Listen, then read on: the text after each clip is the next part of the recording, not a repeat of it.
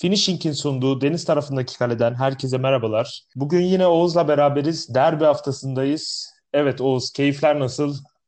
Hayat nasıl gidiyor? Vallahi iyi abi yani derbi e, Fenerbahçe kazansaydı çok daha mutlu olurdum tabii ama e, yine iyi problem yok. Sessiz gol anlamında sessiz geçen bir derbiyi geride bıraktık. E, bunun yanı sıra Beşiktaş ve Başakşehir de puan kaybetti Fenerbahçe ve Galatasaray'ın yanında. Haftanın kazanı Trabzonspor gözüküyor şu ana kadar. Gözüküyor şu ana kadar.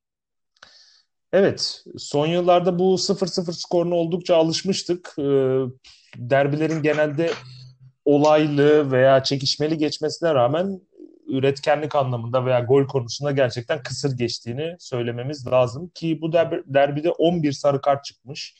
Ee, böyle bir derbi izledik. Ee, genel olarak bakmak gerekirse Galatasaray-Fenerbahçe maçından başlayalım tabii ki yayına. Haftanın en önemli maçından. Ee, burada kazanan olsaydı e, nasıl bir tablo izleyebilirdik Galatasaray açısından veya Fenerbahçe açısından onları sorayım sana. Bir de Erol Bulut'un Deniz Türüç tercihleri ve Taylan Antalyalı'ya değinelim biraz. Ee, ne düşünüyorsun bu maçla alakalı ve söylediğim şeylerle alakalı olsun? Abi hem çevremde hem de e, hani internette, sosyal medyada gördüğüm kadarıyla ben insanlar çok ölüm kalım maçı gibi bakıyordu buna. Daha 3. hafta maçı ve e, bu sene 21 tane takım var. 40 hafta bir periyot yani bu Hani Fenerbahçeliler de öyle bak Galatasaray çok iyi biz çok kötüyüz. Bizi yakalarlarsa üçlük dörtlük yaparlarsa her şey dağılır. Kadro yeni kuruldu. Erol Bulut yeni geldi ama işte o havayı kaybederiz. Bittik öldük şampiyon olamayız vesaire. Ee, Galatasaraylılar da aynı şekilde düşünüyordu. Yani o 10 tane maça çıkıyoruz bak e, daha takım tamamen oturmuş hazır bu kadar yüksekken kazanalım yoksa ikinci yarıda işte derbi deplasmanı var o su var bu su var hemen kazanmamız lazım bilmem ne şu bu diye çok böyle yangın yeriydi yani ortalık. Ben buna çok anlam verememiştim. Ve e, hani iki teknik adamın da ya istiyorsa Fenerbahçe 5-0 kaybetsin ya da Galatasaray 5-0 kaybetsin. Burada kaybedeceği şey 3 puandı bence. Hani ligin sonları falan olsa evet e, hani o ivmeyi e, o arkasındaki rüzgarı kaybedecek olma korkusunu anlayabilirim. O telaşı anlayabilirim ama iki tarafta sadece 3 puan kaybedecekti ve e, hani önlerinde bunu telafi edecek çok çok uzun bir zaman var. 37 hafta var bununla alakalı. E, hani nitekim Fatih Terim de Erol Hoca da aynı şekilde düşünmüşler. İlk yarıda e, Erol Hoca'nın zaten yapacağı şeyleri az çok bekleyebiliyorduk. E, hani takım savunmasını iyi yapıp Alanya'da sürekli yaptığı e, o ön alandaki düzgün yerleşim ve bunun akabinde gelen kontra ataklarla e, gol pozisyonlarını bekliyorduk. Aynı şekilde çıktı. Fatih Terim'in de e, yani onların da çünkü çok yoğun bir fikstürü vardı Galatasaray'ın zaten bundan öncesinde. 10 günde e, Hayduk maçı, ondan önceki lig maçı, Fenerbahçe maçı ve sonrasında Glasgow Rangers maçı var. E, 1 Ekim'de zannediyorum Perşembe günü. E, yani çok yoğun bir fikstürde onların da çok böyle hadi bakalım bu maçı almamız lazım. Ölüm kalım maçı gibi çıkmayacağını düşünüyordum. O yüzden e, hani ortada beklediğim gibi maç oldu. Galatasaray nispeten daha iyi başladı. O da Erol Bulut'un biraz da savunma yaklaşımından kaynaklı diye düşünüyorum ben ama ikinci yarıda Fenerbahçe oyunu sürklase etti. Bunu e, da belirtmek gerekiyor. İlk yarıyı Galatasaray yazacak olursak ikinci yarıyı e, Fenerbahçe yazmamız gerekiyor. Galatasaray zannediyorum 9 kere sadece rakip ceza sahasında topla buluşabildi. E, Fenerbahçe geride olmasına rağmen bu hemen hemen 20'ye yakındı yani 20 civarındaydı geride kabul etmesine rağmen oyunu. Deniz Türkçe gelecek olursak e, yani tek silahı topu soluna çekip o bunu da gerçekten çok iyi yapıyor. Hakkını yememek lazım. Ee, ölümcül orta, altı pas üzerinde sert kestiği ölümcül ortalar var. Bunu belki ligde en iyi yapan adamlardan bir tanesi. Ama evet. yani, tek yönlü bir silah olduğu için önüne maması çok kolay oluyor ve e, ciddi anlamda bir el freni gibiydi bu maçta. Çok kötüydü. Ben hiç beğenmedim ve e, hani 70. dakika 78. dakikaya kadar hatta oyunda kaldı. Bu bunu biraz da erken tercih bekliyordum. Ferdi ya da e, Samatta Etiyam yerine Deniz Türk'ün e, Deniz Türkçe değiştirseydi eğer ön alanda daha efektif bir Fenerbahçe olabilirdi gibi geliyor bana. E, burada biraz geriye de yardım eder ve fiziksel olarak ezilmez diye düşünmüştür şeklinde tahmin ediyorum. Çünkü orada e, ters ayaklı bir bek vardı. Bana kalsa ben Deniz'i oynatmazdım. Çünkü sol bekte Lines oynayacaktı ve e, Deniz topu sürekli sağ kenardan soluna çekip yaptığı için Lines'in kapatması çok daha kolay oluyor tip pozisyonları ters ayaklı bek olduğu için. Yani ben oynatmazdım bana kalırsa. Öyle başlamazdım ya da yani bu kadar dayanmazdım diyelim gibi 78 dakika beklemezdim. Ee, onun dışında Taylan tek başına orta sahada çünkü Belhanda ve Emre Kılıçbek de Galatasaray kariyerinin şu ana kadarki en kötü maçını oynadı. Taylan e, inanılmaz. Ben çok beğendim onu. Tek başına orta sahaya topladı. Bence atılabilirdi de. Hani ilk yarıda verilmeyen iki tane sarı kartı var. ikinci yarıda verilmeyen bir sarı kartı var. Keza Gökhan Gönül de aynı şekilde bence. 30. saniyede bir elle kesti. İkinci yarıda sarı kartı var. O da atılabilirdi aynı şekilde. Ee, ama Taylan'ı çok beğendim. Fenerbahçe kanat bir de Luyendama'ya es geçmeyelim burada tabii ki detayları konuşuruz biraz sonra da. Ee, çok sakat giriyor aslında böyle girişe bakıyorsun Allah'ım diyor kesin Galatasaray taraftarları diyordur yani. Yani bir saniye geç kalsa penaltı kırmızı yaptıracak. Son adam kırmızı yaptıracak. Yani o kadar sakat ama hepsinde o topu vurmaya başardı. E, müthiş bir oyun ortaya koydu. Ben Luyendama'yı da çok beğendim. Biraz oyun kurulumunda eksikti. Çünkü Fenerbahçe Markao'nun o gerçekten bir savunma oyuncusuna göre müthiş sol ayağını kapatmaya e, çalıştı. Oyundan oyun kurmasını istedi. Nitekim başarılı oldu. Oyun genelde Luyendama'nın olduğu taraftan kurmaya çalıştı ama Luyendama o kadar teknik bir stoper olmadığı için e, çok da Galatasaray hücumu oturtamadı o anlamda. Ha, bu arada e, Markao'yu da oldukça hırpaladı Fenerbahçe oyuncuları. Yani e, etkisini de azaltmışlar maçta. Onu söyleyebiliriz galiba. Bence de kesinlikle öyle. E, yani oyun savunmada yine çok şey değil. Kritik kademeleri vardı. E, zaten ligdeki bence şu andaki aktif olarak en iyi stoper diyebiliriz. Hem form düzeyi hem de e, bu ayağının tekniği, yeteneği bakımından, oyun kurulumuna verdiği evet. katkı bakımından. E, iyi kapandı savunmada ama hücumda o aynı şekilde göremedik ve Galatasaray'ın o 3 e, maçtır olan hücuma çıkışlarını genelde marka üzerinden değerlendiriyorduk ama marka burada olmadığı için e, Galatasaray o kadar da etkili pozisyonlar bulamadı maç içerisinde. Fenerbahçe'nin istediği gibi oyun geçti. İkinci yarıda e, biraz daha cesur olsaydı sanki Erol Hoca galibiyet golünü de bulabilir gibiydi. Hatta Deniz Türüç'ün 45. dakikada 47. dakikada falan bir ara topu vardı Valencia'ya atmadı karşı karşıya bırakacak bir evet. pozisyon vardı. Olmadı. Arda'nın şutu vardı. Burada Altay'a ben bir yine parantez açacağım. Müthiş bir oyun ortaya koydu. Altay'ı çok beğendim. Altay, Gustavo, Ozan ve e, son olarak Lemos. Lemos'u da yani uzun zaman sonra bir stoper seyrettiğim gibi geliyor yani bana bu mücadeleden sonra. Falcao'yu adım attırmadı neredeyse. Bir tane pozisyonu var sadece Falcao'nun araya attığı bir servis var. O da Arda'nın şutuna e, tekabül ediyor zaten. Onun dışında hiç adım attırmadı. Çok beğendim. Tisserand da ilk kez oynadı ve hani yeni ikili stoperin, iki stoperin ilk maça çıkması çok tedirgin edici bir olaydır aslında. Birbirlerinin huyunu suyunu en iyi bilmesi gereken ikili onlar da çünkü saçında ama çok fazla bir offside göremedik. Tisserand da erken bir sarı kart aldı 23. dakikada. Ee, sarı kart alması belki biraz daha cesaretli olabilirdi ama o sarı kart onun biraz etkisini kesti. Neticesinde bence e, yani iki tarafında hak ettiği skor, hak ettiği tabela oldu. Beraberlik maçın hakkı ve e, öyle de oldu yani. yani. Şu anda taraflar bu puan kaybıyla çok bir şey kaybetmemiş görünüyorlar. Aslında e, Fenerbahçe için yani şöyle söyleyeyim objektif bakmak gerekirse Fenerbahçe'nin bu maçtan galibiyet alamadık diye çok üzüleceğini sanmıyorum. Galatasaray belki e, yakalamış olduğu işte 2'de 2 ile başlamasının ardından Fenerbahçe'yi de yenseydi tamam herhalde bu sezon bu iş olabilecek gibi düşünebilirdi. Belki hala düşünebiliyorlardır. E, yalnızca e, bu skor tabii derbilerin psikolojik yanı da olduğu için ama senin e, dediğin gibi henüz çok erken bir derbi olduğu için e, belki de takımların genelde sezondaki e, mental sağlığı açısından erken olması belki de onların işine yarıyordur. Bir de bu açıdan bakmak lazım. Yani söylediğin doğru tamamen. Yani dediğim gibi. Ee, bir de şey var abi şimdi şu durumda. E, Galatasaray'ın gerçekten az önce de bahsettim ama o fiziksel yorgunluğu e, üst düzeyde olacaktır. Yani o Hayduk maçı e, çünkü sonuna kadar şey olmadı o maç kopmadı. Yani sonunda e, Markan'ın servisiyle kopmuştu yine o maçta. Ondan önce Başakşehir maçı vardı ki Başakşehir ikinci yarıda gerçekten çok zorladı Galatasaray. Galatasaray kazandı ama çok zorladı. Ee, e, önünde bir Avrupa Ligi'ne katılmak için son bir engel kaldı. O da Glasgow, İskoçya deplasmanına gidecekler. Steven Gerrard'ın Glasgow Rangers'ına konuk olacaklar. Bir yandan da e, hani her ne kadar derbi motivasyonu çok çok üst düzeyde olsa da onun da bir e, kafalardaki, zihinlerdeki e, olayı vardır diye tahmin ediyorum. Yani Haydut maçında evet biraz rotasyon yapıldı ama o rotasyon e, ikinci adık değişikliklerle çok tamamlanamadı gibi gözüküyor. Buraya tamamen az kadroya çıktı yine Galatasaray. Geçen hafta lig maçında e, sadece Saraç'ın yerine Lines o da zorunluluktan dolayı e, oynadı. E, bunun da ben etkisi olduğunu düşünüyorum. Fatih Terim bir tane atsak maçı koparız diye düşünüyordu. Maça da o yüzden öyle e, biraz daha ön alanda başladı ama Erol Hoca'nın planları tutmuş gibi gözüküyor. Şimdi e, Erol Hoca'nın artık rüştünü ispatlaması için büyük takımlarda, yani büyük maçlara karşı e, yapacağı savunmayı çünkü bizim geçen sene biliyorsun ya da ondan önceki sene kaleye gelen ilk top genelde gol oldu ve bir 1-0 çıkarmaya çalışıyorduk yani. Bu şekilde bir evet. yıllık birlik e, geçirdik. E, takım savunmasını oturtmuş gibi gözüküyor şu ana kadar. Top, topsuz ben e, saha içindeki dizilimi yayılımı çok beğendim Fenerbahçe'de ama e, geçen hafta maalesef 9 kişi kalan Hatay Spor'a karşı pozisyon dahi bulamamak neredeyse işte o son dakikadaki pozisyon hariç beni biraz e, şüphelere gark ediyor. Şimdi derbileri düşünsek atıyorum Galatasaray, Beşiktaş, Trabzonspor, Başakşehir. Hani 4 tane maç çarpı 2 8 tane maç böyle oynayabilirsin, kapanabilirsin. Onda da Kadıköy'deki maçlarda da böyle kapanamazsın. Seyirci olursa falan tefe koyarlar adam yani.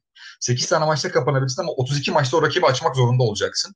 Dolayısıyla, dolayısıyla hücum alanında e, biraz daha ben aksiyon bekliyorum. Sosa da erken sarı kart aldı. O da o yüzden mücadelelerde biraz daha böyle kendini sakınarak oynadı ama e, hani ön alandaki biraz Sosa'ya bağlılık e, gitmesi için yaratıcılığı biraz yükseltirsek sanki Fenerbahçe'de işler rayına girecek gibi geliyor bana. Evet Galatasaray cephesinde de ben aslında etkili bir oyun daha önceki maçlara göre daha e, biraz da derbi psikolojisiyle sanırım daha bir etkili oyun bekliyordum. Hatta biz geçen e, hafta yaptığımız tahminlerde sen maçın biraz kısır geçeceğini ve bir birlik beraberlik beklediğini e, söylemiştim. Bense Galatasaray'ın 3-0 0 olacağını söylemiştim ve kırmızı kart kehanetinde bulunmuştuk. E, böyle bir e, tabela çıktı yani 0-0 şeklinde. Yani maçın e, pardon programın başında dediğim gibi hani çok beklenmedik bir şey değildi. Biz sadece acaba bu sene olur mu? Daha farklı bir derbi izler miyiz derken yine geçen seneki e, tatsız bir şekilde sonuçlanan derbilere yakınsadı. Evet, e, Galatasaray-Fenerbahçe maçı bu şekildeydi. Aslında ben bir soru daha Fenerbahçe hakkında e, sorayım sana. E, 73'te oyuna giren bir Ferdi var. Sence Ferdi'yi e, düzenli olarak 11 görebilir miyiz? İleriki maçlarda Erol Bulut'un bakış açısı sence nedir? Ferdi daha sonra kurtarıcı olarak girecek ya da girebilecek bir yeteneğe yani bu yetenek olarak mı bakılıyor acaba Erol Bulut'un açısından? Onu sorayım. Abi Ferdi bence bu takımdaki genel olarak bakıldığı zaman Sosa ile beraber en yetenekli adam yani. Bunu e, artık tartışmaya bile gerek yok bana kalırsa ve hani Erol Hoca'nın da bu derbi hani dediğim gibi Deniz Türüç orada belki ters ayaklı bir oyuncu fark yaratır mı acaba diye düşünmesiyle onu sürmüştür. Onun önceki maçlarda Ferdi ile başladı. Ferdi e, Hollanda U21 takımındaki yorgunluğuyla geldi e, Fenerbahçe'ye ve hani onun biraz da e, tesirini atması gerekiyor düşünüyorum ben kendi üzerinden. Onun dışında kesinlikle ilk 11'e yazılması gerektiğini düşünüyorum. Çünkü hani eğer bir yaratıcı bir kanat alınmazsa örnek veriyorum tamamen yine e, gündemde olduğu için kronik sakat sakatlık problemi yaşasa da Perotti gibi böyle e, oyun kurulumuna katkı veren bir kanat oyuncusu alınmazsa e, bence direkt olarak yani ilk kanada Ferdi yazıp ondan sonra diğer kanada işte atıyorum Tiyan mı, Deniz Türüç mü, e, Sinan Gümüş mü hangisini yazarız diye düşünmek gerekiyor benim nazarımda. E, bize Feguli tarzında bu maçta Feguli ve Belhanda da çok kötüydü. Onu da e, ekleyelim Galatasaray'da. Fenerbahçe'nin orta saha üstünde ele geçirmesindeki önemli etmenlerden biriydi bu da. Özellikle Belhanda sezona fırtına gibi giriş yaptı. Çok çok üst düzeyde e, giriş yaptı ama bu maçta biraz e, resesif kaldı. Emre Kılıç da aynı şekilde böyle biraz daha e, Galatasaray kariyerin en kötü maçını oynadı dediğim gibi. Öyle eksik kalınca Fenerbahçe orta saha üstünü o şekilde aldı. Ferdi'ye gelecek olursak hani, direkt olarak yazılması gerekiyor ve hani eldeki kadroya bakıldığı zaman e, sanırım ihraç edebileceğiniz e, en önemli yetenek gibi gözüküyor. Oradan para kazanabileceğiniz yüksek e, meblaları kasaya koyabileceğiniz en önemli adamlardan bir tanesi. O yüzden ben Erol Hoca'nın da bu potansiyeli çok fazla geri çevirebileceğini düşünmüyorum açıkçası. Onu e, sık sık 11'de göreceğiz diye hissediyorum ben. Evet, bir Galatasaray-Fenerbahçe derbisi de bu şekilde bitmiş oldu. Aslında bizim için büyük bir şans. Ülkemizin gerçekten e, renklerinden ve en büyük heyecanlarından biri futbol konusunda. Ve her sene sadece iki kez şahit olabiliyoruz kupa maçları dışında denk gelmiyorsa eğer. E, ve bu şekilde sonuçlandı takımlar tabii ki daha e, konsantre bir şekilde Galatasaray'da en azından Avrupa Kupası. Bu arada e, Oğuz şunu da söyleyeyim. Gerrard'ın Rangers'ı da oldukça tempolu bir takım. Evet, evet. Ve ben hani takip edebildiğim kadarıyla gerçekten bazı maçlarda rakipleri çok fazla yoruyorlar. Hapsediyorlar. Özellikle alan preslerinde oldukça iyiler ve bazı şeyleri, bazı futbolun temel taşlarını oldukça iyi yapıyorlar. Sadece yetenek konusunda ve biraz rekabetin eksikliğinden dolayı şansı olabilir Galatasaray'ın ama Rangers gerçekten de Galatasaray oldukça e, yorabilecek bir takım. Yani bu yorgunluk konusu da Galatasaray'ın başına iş açabilir mi?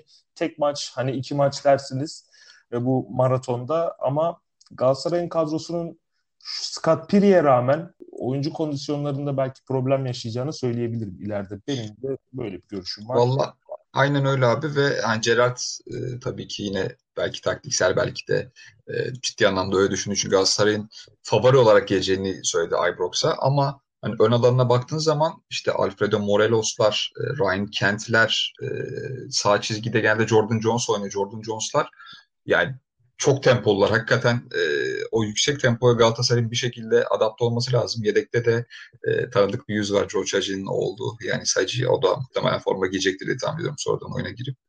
E, hani çok zorlu bir eşleşme olacaktır. Ben çok e, ortada görüyorum. Ümit ediyorum şans temsilcimizin yanında olur. İnşallah diyoruz ve haftanın çok tuhaf ve beklenmedik e, bir galibiyetinden yani Konya Spor'dan bahsetmek istiyoruz. Konya Spor Beşiktaş maçı 4-1 sonuçlandı ve Beşiktaş Vida'nın, Domagoj Vida'nın olağan dışı kötü performansıyla çok çok kötü bir şekilde 4 gol yiyerek kaybetti. Maçın skorunu görünce maçı izlemişsindir tabii de 90 dakika bittiğinde Oğuz e, bu maç hakkında ilk aklına gelen şey neydi? Yani Sergen Hoca soyunma odasına ne yapacak dedim ben ilk olarak düşündüğümde. Yani bu savunma hattının ya bak kötü performans gösterebilirsin abi. Yani bir oyuncu gerçekten saha içinde kötü olabilir. O gün onun günü değildir. Atıyorum pas hatası yapar, top kaybı yapar ne bileyim. Boş kaleye kaçırır, kendi kalesine gol atar, son adamı indirir, kırmızı görür. Bunların hepsi tamam ama inanılmaz bir konsantrasyon düşüklüğü vardı savunmada. Bunu sen de fark etmişsin. Yani orta sahadan kaleciye pas veriliyor. Top kornere çıkıyor. E, halı saha golü gibi. Kimse daha savunmaya gelmeden tık diye bir korner attı Konya Spor. 1-0 oldu zaten. Ömer Ali e, zannediyorum kesmiş. Şenge ile kafaya tık diye köşeye bıraktı. 1-0 zaten ondan sonra bütün hani Vida'nın kaptırdığı toplar, takip etmediği toplar falan çok düşük konsantrasyon düzeyindeydi ve e, hani Sergen Hoca burada maç sonundaki açıklamalarını da ben e, şey yaptım yani biraz sistemli gördüm. Maç öncesinde de e, Lens ve Umut Nayır artık e, kadro düşünmüyoruz gibilerinden bir e, yorumda bulundu. Yani savunmayı ön planda tutan bir Sergen Hoca zaten hep söylüyoruz bunu. Futbolcunun da her ne kadar on numara olsa da savunma e, anlayışını teknik direktöründe daha çok ön plana tutar. Benim için futbol savunma oyuncu diye bir demeci de vardı hatta. Yani bunu bir şekilde düzeltmek zorunda ama hani nasıl yapacak bilmiyorum. Şimdi Vida Beşiktaş savunmasında elde kalan en önemli ayaktı yani bu bakıldığı zaman. Ve e, gerçekten çok iyi oynuyordu. Geçen sene de ben çok beğeniyordum. Onları yüksek, yani sonuç itibariyle Dünya Kupası milli takım Dünya Kupası'nda finale çıkmış milli takım stoperi bu adam yani. Hırvatistan milli takım az stoperi. Ee, hani bunun yanına bini Montero'yu çok beğenmiştim. Ben Montero'yu koyarız hop geçeriz diye düşünüyordur diye tahmin ediyordum ama Vida da çok kötü çıkınca şimdi Montero Wellington mı yapacak yoksa e, ne bileyim Vida'yı kulağına çekip devam edecek çünkü o transfer dedikoduları yıllık aldığı ücret çok konuşuluyor biliyorsun sen de. E, evet. Nasıl yapacak bilmiyorum. Bir tane de e, sabek alınması gerekiyor. Yani Beşiktaş alanına bence günün e, tek e, böyle hani olumlu tarafı diyebileceğimiz Vincent Abubakar'ın diri görüntüsü ve e, Gökhan Tören'in golle geri dönmüş olması diyebiliriz herhalde. Evet yani biz şimdi burada aslında maçın kaybedilmesinden ötürü Vida'yı vurguladık ama mesela Vida olmasaydı da biz bu ya da yaptığı hataları yapmasaydı Beşiktaş bu maçı kazanırdı diyemiyoruz. Çünkü takımda hala bir organizasyon ve takım halinde hareket etme problemi var. Bütün oyuncular biraz daha bireysel hani yeteneklere ve umut bağlamaya evrilmiş gibi duruyor. Bir de yani e, kaptırılan toplarda ve atak sonlandırma gibi uyum ve takım oyunu gerektiren işlerde ağır aksak gelişme göstergesi yani burada bir ağır aksak gelişme var. Şöyle bunun çok daha hızlı bir şekilde geçilmesi gerekiyordu takım e, uyumu konusunda. Yani iki hafta, üç hafta, belki hadi iki hafta, e, üç hafta daha verilebilir Sergen Hoca'ya kredi için. Yani kredi anlamında söylüyorum. Yani bu sene tahmin ediyorum Sergen Yalçın'la bitirilir gibi. Sürekli böyle mağlubiyetler almadığı şekilde. Ama bu e, gelişme göstermeyi de, bu hızını da e, sanıyorum Beşiktaş'ın bir an önce halletmesi lazım. Ee, bir de senin dediğin gibi gerçekten Abu Bakar'ın dönmüş olması belki Forvet'teki sorunların yani hücum aksiyonlarındaki e, sorunların bir kısmını in, e, nasıl söyleyelim silebilir diyebiliriz. Yani en azından bir kısmını görünmez yapabilir. Çünkü daha önceden e, takımı bilen, o takımla e, ya başarılı olsa da geldiği takım arasında cidden fark var. Yani bu adam Cenk'le işte Babel'le Taliskalarla falan oynuyordu. Ancak şu an geldiği takım biraz daha e, biraz demeyelim baya baya e, hem anlayış olarak hem de yetenek olarak farklı bir takım görüntüsünde ama yani Abu Bakar'ın işte Beşiktaş'ın hangi problemlerini çözeceği veya hangi problemlerini çözemeyeceği sanıyorum biraz ortada. Yani hücumla belki evet e, sizin bazı sorunlarınızı giderebilir ama Beşiktaş'ın gerçekten defans ve yani e, stoperle özellikle merkez orta sahalar arasında ciddi bir problemi var. Bunların nasıl çözüleceği gerçekten de şu anda muamma gibi duruyor. Sanırım çünkü transferle de çözülecek bir şeymiş gibi durmuyor. Bazı sorunlar var ve Vida'nın kötü performansını gerçekten şeyle açıklayamıyorsunuz yani. Hani konsantrasyon kaybı falan başka bir şey var gibi geliyor. Sanırım Beşiktaşların bunu yani Beşiktaşların çoğunluğu bunu hissetmiştir diye düşünüyorum. Bilmiyorum senin dikkatini çektim ama kesinlikle yüzde yüz. Fut, futbol dışı bir konsantrasyon problemi var gibi görünüyor ya da bir sorun. Ya bu şey gibi ya derin bir uykudaymış gibi yani bu stoperin gerçekten düşmemesi gereken o konsantrasyon kayıplarını düştü ve yani bu durum direkt olarak etkiledi. Hani ilk golde şey de ben bu arada es geçmeyeyim. Evet genç bir kaleci, gelecek vadeden bir kaleci Beşiktaş'ın belki de çok sevdiğim bir isim Ersin ama ya bir kaleci eğer öyle bir topu atıyorum e, kontrol edemedi dışarı çıktı top. O korner pozisyonu. Lütfen hani e, değerli dinleyeceğimiz de pozisyonu izleyip de bunu e, tekrar dinleyebilirler aynı şekilde. Ya o topu halı sahada bile olsam ben kaleci olsam atmam o köşeye abi siz o kornere buyurun kullanın diye. Kaleci o topu alır kucağına girer içeri takımın yerleşmesini bekler. Ondan sonra yerleşik savunmaya atsınlar o korneri. Ya bildiğin halı saha golü yedi Ersin'de orada bakılacak olursa. Ama... Hani dediğim gibi faturayı en son keseceğin adam Ersin Destanoğlu o e, kesinlikle farklı bir durum ama yine de orada deneyimli bir kaleci bence öyle bir hata yapmazdı yani. Ya şöyle Ersin topu vermedi zaten. Hani e, top yan taraftan geldi korneri kullanan oyuncuya. Hani Ersin'in elinde bir top olsaydı belki sahada iki top olduğu gerekçesiyle... Vardı zaten abi elde. Onu direkt dedim ki al onu içeri git direkt olarak. O direkt topa gitti. Atmadı. içeri doğru yöneldi dedim yani. O top bıraktı oraya lap diye kaleye döndü. Zaten elinde top olsa atamayacak o korneri yani adam. Ben de ondan bahsediyordum zaten. Ha, evet doğru o zaman. E, bir de taraf, yan taraftan top gelince ben e, ondan dolayı söyledim. Evet evet yok yok. O, hani deneyimli bir kaleci olsa girer içeri iki tane top var. Nereye attıracak korneri? Yani evet. savunma şeyi e, aksiyonları ben Sergen Hoca'ya güveniyorum dedim gibi. Futbol aklına çok güvendiğim bir isim ve e, hani her şeyi çözebilecek bence Beşiktaş adına bir isim kendi adıma düşünüyorum. Bugün de kramponlarını giyip şeymiş antrenmanda top oynamış biliyorum gördüm sen de o şekilde ama keşke sahada olsa diyordur Beşiktaşlar da aynı şekilde. E, Josef'in belki de e, dönüşü burada birazcık e, orta sahaya toparlayabilir gibi geliyor. Lisansı çıkmadı bildiğim kadarıyla hala. Ve e, hani Atiba'nın yokluğu da gerçekten hani 37 yaşında bir e, futbolcuya bu kadar bağımlı olmak tehlikeli iş ama Atiba'nın yokluğu Beşiktaş'ı gerçekten çok kötü vuruyor.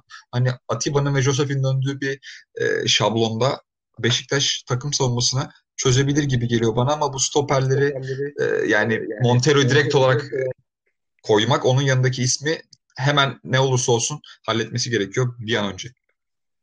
Evet yani Konya Spor cephesinde de e, sanırım onlar da bu şekilde bir galibiyet kazanacaklarını yani maçı tabii ki kazanacaklarını belki de düşünüyorlardır oynanan futbol sonuçta ama 4-1 e, yeneceklerini herhalde düşünmemişlerdi. Çünkü maç gerçekten bir ara koptu. E, yani Beşiktaş'ın golü de tamamen hani bu maçın kopmuş olmasından dolayı e, aslında biraz geldi diyebiliriz. E, sonuç olarak bu şekilde e, sonuçlandı. Beşiktaş ve ağır bir mağlubiyet aldı. Ee, önümüzdeki haftalarda Sergen Yalçın'ı zor bir süreç bekliyor. Özellikle takımdaki hadi bütün oyuncuların e, geldiğini, eksiklerin giderildiğini, Avrupa'da da maç oynamayacağınızı düşünürsek e, milli arada sanırım bazı şeylerin düzeltilmesi gerekiyor. Kesinlikle öyle. Evet, Konya Spor'da da bu arada İsmail Hoca'yı tebrik etmek istiyorum ben. Ee, yani iki maçta dört puan aldı. Biri deplasmanda biri de içeride olmak üzere. Ee, yani çok diri gördüm. Beklediğimden daha diri gördüm ben Konya Sporu ve hani bu dirilik devam ederse fiziksel anlamda kimse ezilmezler gibi hissediyorum. Ee, ya ne kadar devam eder orası şüpheli tabii ama e, bu fiziksel görünüm benim hoşuma gitti. İsmail Hoca da buradan bir e, tebrik yollayalım. Hem değişiklik yaptı. Kravets iki gol attı hem de e, sağ kenarda oynattı. Levan Şengeli iki gol attı aynı şekilde. E, meyvelerini vermiş gibi görünüyor onun dokunuşları. Evet İsmail Hoca'yı da buradan tebrik ediyoruz. Evet Beşiktaş maçında e, konuşup İsmail Kartal'ı da tebrik ettikten sonra Karagümrük Başakşehir maçına geçelim istersen. Senin takımın Karagümrük kazandı. Başakşehir'i yendi. Şöyle ki son şampiyon Başakşehir 3 maçta atılan 0 gol ve yenilen 6 golle yani 3 mağlubiyetle şu an ligin en alt sırasında ligimizin kalitesini gösteren bir tablo adeta. ee, şöyle e, Karagümrük cephesinde de Sabo, Dardi ve orta sahadaki dinamizm aslında maçın kilit noktalarıydı. E, güzel bir galibiyet oldu Karagümrük için. Maçla, maçı seninle an an yaşadık gibi hatırlıyorum. e, yazışıyorduk hatta birbirimize tüyolar da veriyorduk maçla ilgili. Sen ne düşünüyorsun Başakşehir'in bu performansıyla alakalı? Şöyle ki sana sormadan önce şunu söyleyeyim. Okan Buruk maç sonrasında yaptığı bir açıklama var. Şunu demiş, yeni transferlerin uyum sağlaması gerekiyor. Ayrıca takımla yollara ayrılacak isimler var. Mevlüt'ün ön direği koşusu ile alakalı 7-8 video izlettim takıma ama yine de buradan gol yedik. Takıma güveniyorum ama bazı oyuncularla alakalı kararlar alacağız. Yakın zamanda oyuncuların da şapkayı önüne koyup düşünmesi gerekiyor. Yani e, aslında çok fazla eleştirmedi Okan Buruk oyuncularını. E, güvendiğini söyledi ama bazı isimlere gerçekten de sanırım bu düşük performanstan ve alınan 3 mağlubiyetten dolayı sürekli hata yaptığını gördüğü kişilere ve oyunculara sanırım bir neşter geliyor gibi transfer dönemi bitmeden. Evet sana sorayım Oğuz sen ne düşünüyorsun maçla ilgili? Abi şöyle teşekkür ederim öncelikle ama bir düzeltme yapayım. Yani ben Karagümrük'e sempati duysam da benim tek bir takımım vardır. O da Fenerbahçe kiminle oynarsa oynasın. O yüzden e, hani senin takımın deyince böyle bir şey oldum, kötü oldum. Hani tamam dediğim gibi evet aileden dolayı bir yakınımız var ama benim tek takım Fenerbahçe'dir. Şurada e, hani Erik Sabo üzerinden konuşacaktım ama öncelikle ben Şenol Hoca'nın, Şenol Hoca'nın e, yaptığı taktiksel dizilimden bahsetmek istiyorum. Normalde Karagümrük'te sağ bekte e, Ramazan Civelek oynardı. Sağ açıkta ya da sol açıkta Endao gördük. Burada e, iyi kapanacağını düşünüp Şenol Hoca Ramazan Civeli'yi sağ öne atmış ve normalde bir kenar oyuncusu olan ve hani hepimizin belki de hayalini kurduğu o pır pır hızlı önüne top attığınıza giden Endao bu maçta 8 numara gibiydi. Ee, yani NDI'nin Osmanlı Spor'daki ve özellikle Galatasaray'daki dönemlerini hatırlayalım. Onun gibi bir box to box'a evirmiş onu. Benim asla aklıma gelmeyecek bir şeydi bu. Hani bu kadar iyi bir kontra atak silahını orta sahaya çekmek özellikle kapanacağız maçta çok aklımın ermeyeceği bir hareket. Yani benim düşünmeyeceğim bir olaydı. Müthiş bir hamleydi gerçekten. Sol açığa yine kontratakta Sabo, e, Enda o kadar hızlı olmasa da giden Darri'yi gördük. O da e, pır pır. Aynı zamanda Ramazan'ın da hızını sağ kenarda kullanmış. Müthiş ötesi bir hamleydi. Ben görür görmez hasta oldum yani bu hamleye böyle. 10. dakika sana da mesaj attım hatta görüyor musun orta sahayı diye. Evet. E, arkada da Biglia gibi e, her ne kadar hani hep söyleriz bunu Milan'da oynarken de böyleydi. Ondan önceki bütün işte Avrupa kariyerinde ya da Güney Amerika'daki kariyerinde de aynı şekilde böyleydi. Fiziksel olarak hiçbir zaman dinamik bir ön libero olmadı bu adam. Yani üst düzey fiziğe sahip olmadı. Dolayısıyla yaşının e, çok bir önem arz etmediğini düşünüyorum ben burada ligimizde oynaması açısından. Ama o kadar iyi oyun bilgisi ve pasörlüğü var ki müthiş rahatlatıyor Karagümrük'ü. Ben e, Bigla'ya da burada ayrı bir parantez açmak istiyorum. O 6 numarada e, kaptan olarak da çıktı zaten maça. Müthiş ötesi bir e, iş yaptı. Sabo e, düzenli olarak zaten övüyorum. Sene başındaki ilk programımızda da hatırlarsın ben kesinlikle büyüklerin listesine girecektir diye. Çünkü iki senedir takip ediyorum onu ve e, git gel yorgun hani yorgunluk hissetmeyen bir adam neredeyse. Sürekli gitti geldi. Müthiş de bir gol attı. İkinci gol de attı. Endal. Bu üçlüyü görürseniz arkada müthiş pasör. Önde iki tane durmak bilmeyen orta saha olursa zaten orta sahada kolay kolay düşmüyorsunuz. Ee, önde de işte ben şeyi çok bekledim abi burada. Mevlüt Erdinç vardı ama orada e, Sobih kadro da yoktu. Zannediyorum e, bir sakatlık problemi vardı. Yani olsaydı eğer orada topu biraz daha iyi tutabilen bir adam olsaydı daha da e, sıkıntılı bir hal alabilirdi. E, iki tane savunması yüksek bek ve e, iki tane birbirine uyum sağlamış gibi görünen stoper. E, bunların yanında e, takım savunmasına katkı vermekten asla imtina etmeyen bir Sabo ve Endao ikilisi görünce e, çok beğendim ben Karagümrük'ü. inanılmaz beğendim ve duran topları da ne kadar etkili kullandıklarını burada belirtmek gerekiyor bence. Yani ligin başından beri 3 hafta oldu. 3 haftadır neredeyse duran toplardan gol atıyorlar her hafta. 2 hafta hatta son hafta attılar. Ee, Daum dönemi Fenerbahçesi gibi ya da e, bunu eskiden şey çok yapardı ilk geldiği dönemlerde. Feldkamp çok çalışırdı. Feldkamp dönemi Galatasaray gibi e, de düşünebiliriz e, bu bağlamda. Ben inanılmaz beğendim Karagümrük'ü. Başakşehir'e gelecek olursak da biraz da onları değerlendirmek gerekiyor zaten. Yani Okan Hoca'nın yeni transfer e, olayını anlamadım. Herhalde Rafael ve Nasser Çatli'den bahsediyordur diye tahmin ediyorum ben kendi adıma ama onları zaten kadroda e, göremedik yani. Kadroda dahi yoktu ikisi de. Tamamen geçen seneden oluşan bir takım. Yalnızca Hasan Ali Kaldırım vardı buna ek olarak klişinin yerine. Yani geçen sene kadro olan herkes ilk 11'deydi. Yani İrfan Can ve Vişçe'yi ben yani çok düşük girdiler sezona. Bilmiyorum hani nasıl olacak. Gerçi Başakşehir'de e, çok iyi oynayan kim vardı dersen onu da cevap veremeyeceğim. E, son olarak da e, bu maçla alakalı yorumumu kapatmadan evvel şey diyeyim abi yani geçen hafta da söylediğim bir e, söylemimi tekrar edeyim. Yani bir takım Hasan Hasanlı kaldırımla şampiyon olamaz. Hasan Ali kaldırıma rağmen şampiyon olabilir. O yüzden hani Başakşehir'i de e, bir an önce bence ya işte Bolingoli Mbombo ya da Rafael geldikten sonra Kayseri sol beki atıp Rafael'i sağ beki atarak e, değişik bir aksiyon bekliyorum ben Okan Hoca'dan. Bu arada Rabil Tagir de e, transfer etti Başakşehir. Altnordu'nun parlayan yıldızı 17 yaşındaki stoper onu da belirtelim. 2,5 milyon euro artı e, zannediyorum sonraki satıştan %30'luk bir bonus da varmış e, ek olarak.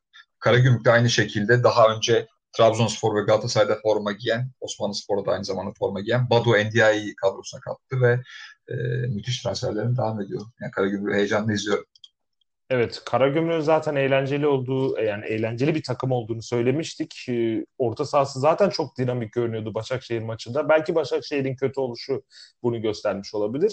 Ancak NDI'de o yüksek dinamizmi bir seviye daha üste çıkarıp e, Karagümrük'ü daha tehlikeli bir takım yapma konusunda katkısı olacaktır diye düşünüyorum.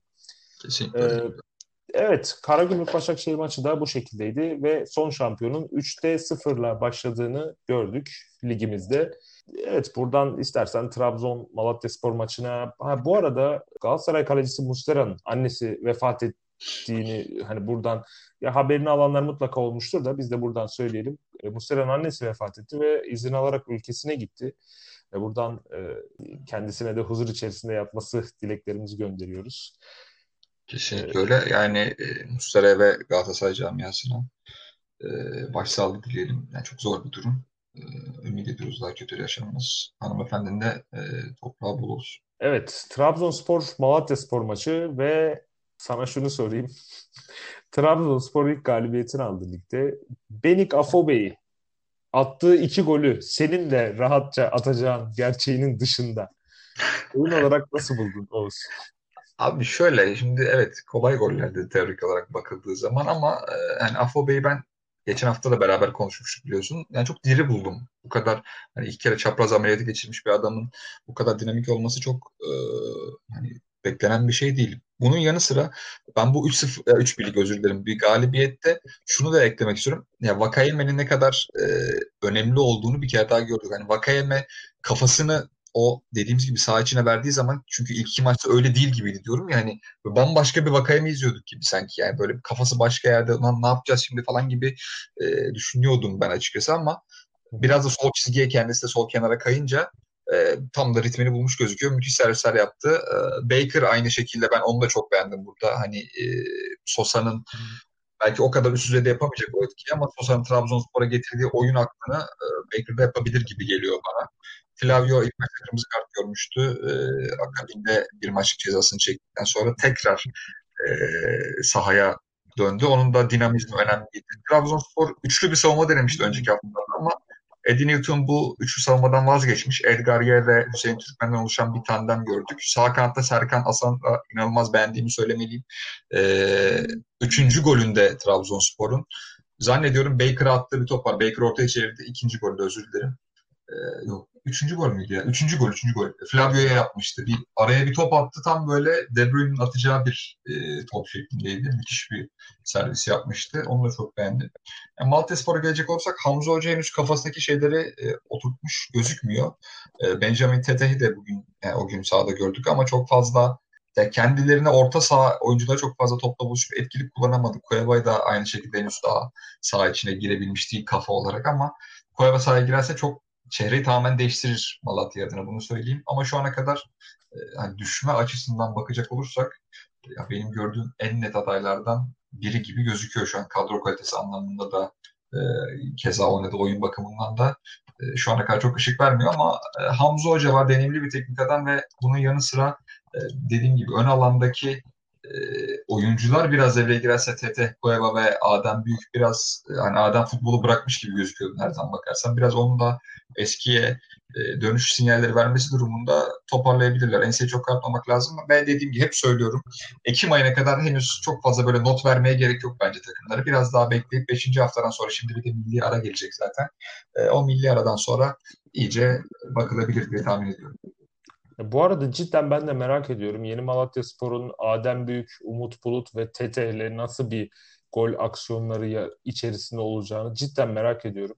Elinizde iki tane ligi çok şu tabiri kullanmazsam olmuyor gibi geliyor bazen de. Ligi çok iyi bilen e, forvet var ve enerjik bir forvet almışsınız. Ancak üretkenlikte sıkıntı çekiyorsunuz. Yine de senin dediğin gibi not vermek için oldukça erken. Sanırım Hamzoğlu biraz takımın enerjisini yükseltirse çünkü enerji olarak düşük buldum. E, istekli olsalar da e, gerekli yerlerde enerjilerini harcamadılar oyuncular. E, bu yüzden herhalde daha iyi bir takım izleriz Hamzoğlu, Hamzoğlu'nun bunu e, yapması durumunda. Ama onun ben dışında şey, kötü görünüyor gerçekten. Evet, şöyle bekliyorum abi. Cueva genelde sol kenar oynuyor e, burada ki orijin 10 numaradır bu e, evet. Çok Galatasaray'ın falan da gündeme gelmiş bir isim. Çok yetenekli bir adam. İlk transfer edildiği zaman falan da yazmıştım. Yani eğer kafası verirse gol artı asist 15'in üzerine çıkar bu adam yani kesinlikle. Hani onu sanki orta sahaya çekip e, kanadın birine de işte sol çizgiye Adem Büyük genelde orada da oynar böyle Ron Doyter tarzında e, gol atan bir e, kenar oyuncusu. Adem'i sol kenara atıp Cueva ortaya sağ çizgiye de e, Lukoki var. Yodi Lukoki. O da çok hızlı, çok süratli bir adam. Onu sanki kanada atıp bir dinamizm getirebilir gibi geliyor bana. Sanki çözümde e, biraz burada saklı gibi ileride de TT'ye bırakarak e, bir aksiyon alınabilir diye tahmin ediyorum. Evet, buradan seyircilerimize ve dinleyicilerimize söyleyeyim. Oğuzcan Aydın'ın bu yaptığı tahminler gerçekten de eğer yapıldığı zaman yani bilmiyorum teknik direktörler bu programı dinliyor mu dinlemiyor mu ama e, gerçekten de söylediği şeyler yapılınca sonuç verdiğini, yapılmayınca sonuç vermediğini ben maçlarda bizzat gördüm. E, söylediği oyuncular başarılı olur dediği oyuncular oluyor. E, başarılı olamayacağını düşündüğü söylediği oyuncular e, genelde gerçekten de etkisiz kalıyorlar ligimizde. Ligimizin dinamiklerini bilen Oğuzcan Aydın'a da buradan çok teşekkür ederiz. Estağfurullah bir teveccüh ne demek. Ve evet yani bu maçla ilgili de bittiyse istersen Kayseri Spor baş, e, Büyükşehir Belediye Erzurum Spor maçına geçelim. Hatta şunun bilgisini vereyim. E, lige yeni çıkmış takımların hepsi yoluna dolu dizgin devam ediyor gibi görünüyorlar. Hatay Spor da Kasımpaşa'yı 1-0 yendi bu arada. E, yani onlar da Başakşehir'i yenerek başladılar. Fenerbahçe'den puan aldılar ve Kasımpaşa'yı e, bu hafta mağlup edip 7 puan yaptılar. Erzurum Spor da gayet iyi ve Karagümrük'ü zaten biliyoruz. E, cidden e, bu kadar performans sanırım kimse beklemiyordu. Özellikle yeni çıkan takımlardan belki bir uyum falan derken ama sanırım pandemi süreci birincilik takımlarını yani Süper Lig takımlarını daha fazla etkilemiş gibi görünüyor ve diğer e, çıkan takımların özellikle ligimize merhaba diyen işte Karagümrük olsun, e, Büyükşehir Belediye Erzurum olsun, Hatayspor olsun daha enerjik ve daha istekli, motive olduklarını gördük.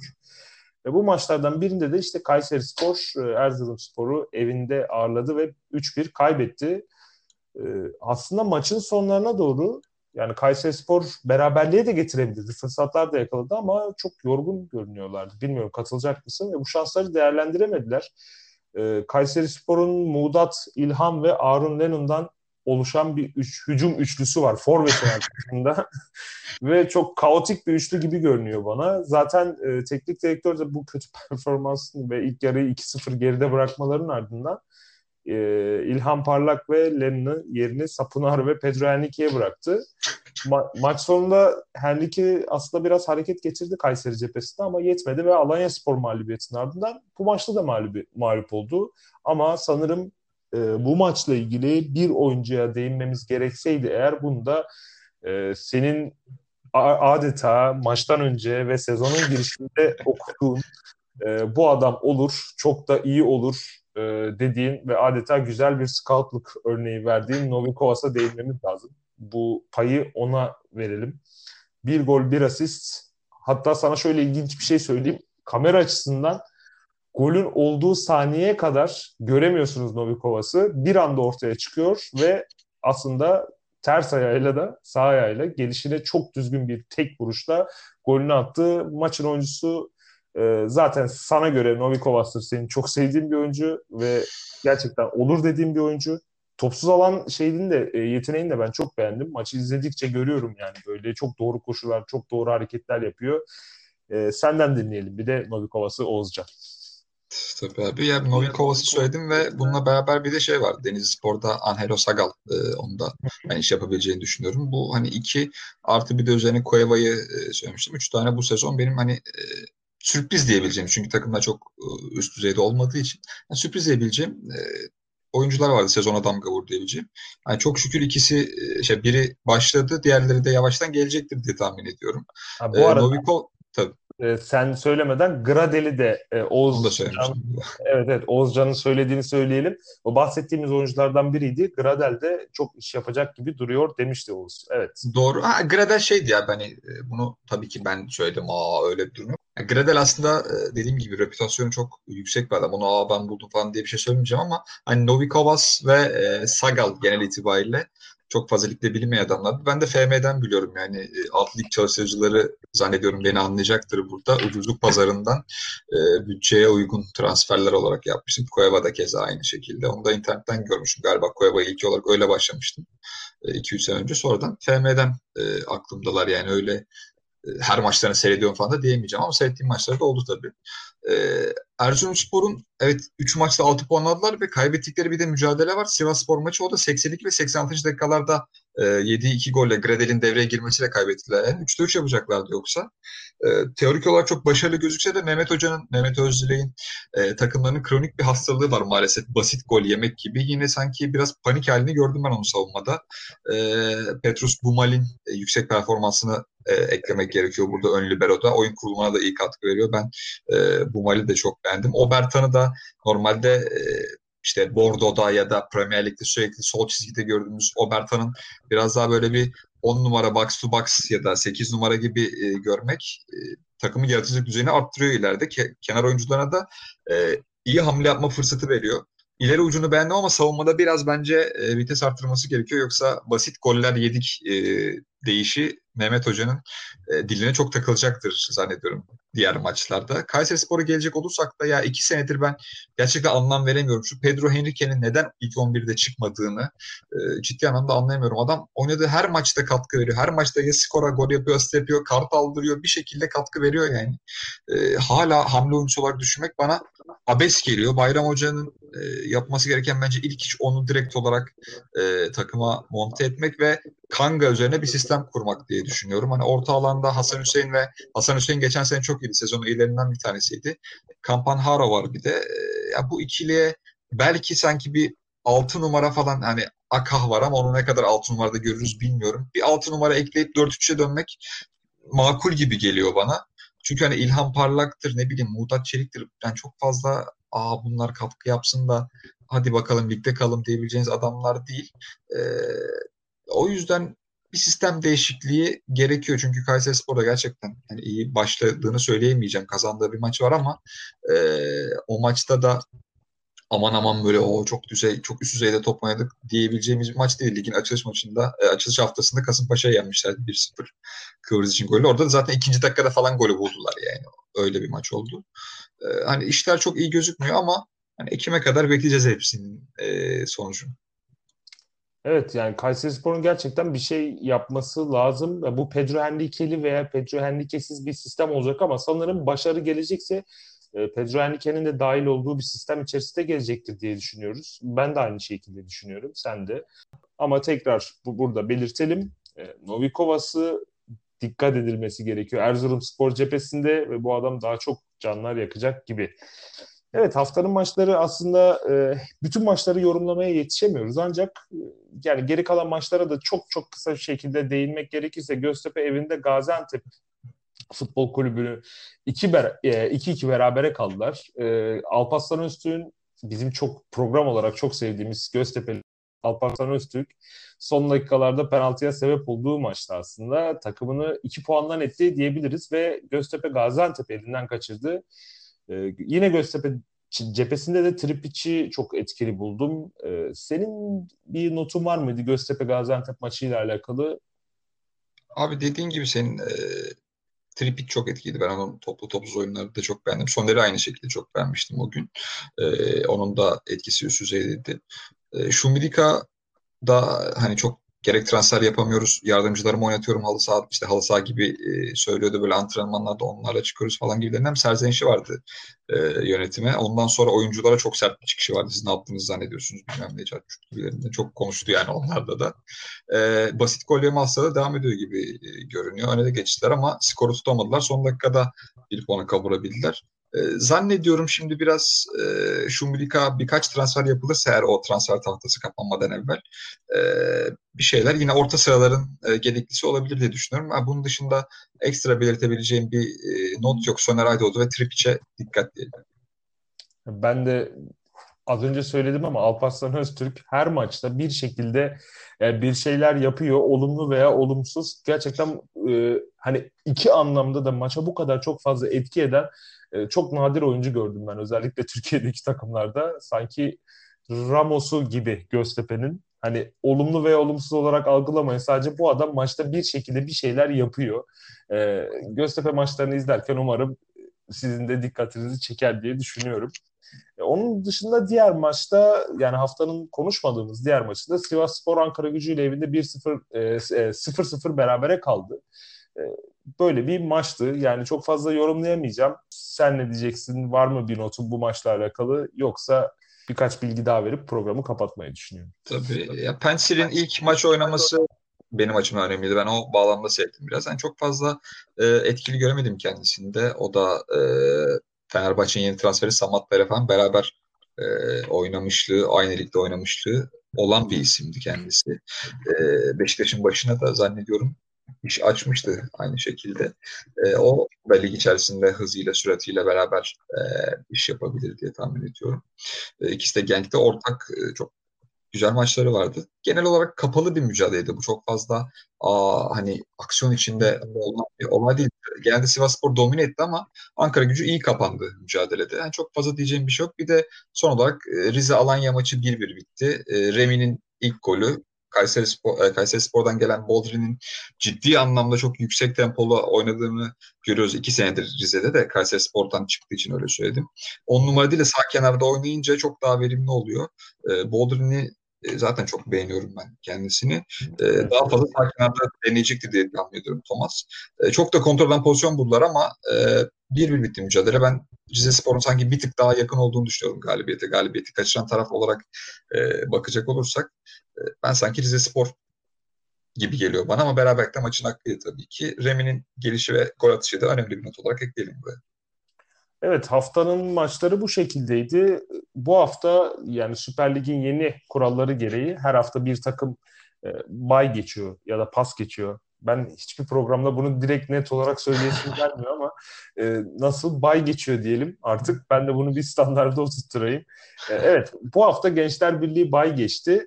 Her hafta bir takım e, aslında kendine bir nevi bir haftalık bir izin alıyor umarım takımlar için de faydalı oluyordur. Daha sonra devre arasına doğru sanırım bunun faydalı olup olmadığını dönüşündeki maçları da inceleyeceğimiz bir şekilde e, konuşalım Oğuzcum. Olur abi. E, evet, deniz tarafındaki kalede bu haftada derbi haftasını, derbiyi konuştuk. Beşiktaş'ın mağlubiyetini konuştuk ve bütün maçlara değinmeye çalıştık. Sadece değinemediğimiz Antalya Spor Denizli maçı kaldı. Onu da podcast'i çektiğimiz gün oynandığı için henüz oynanmadığını söyleyebiliriz. Deniz tarafındaki kaleyi dinlediğiniz için çok teşekkür ediyor. Hoşçakalın diyoruz. Hoşçakalın. Hoşçakalın.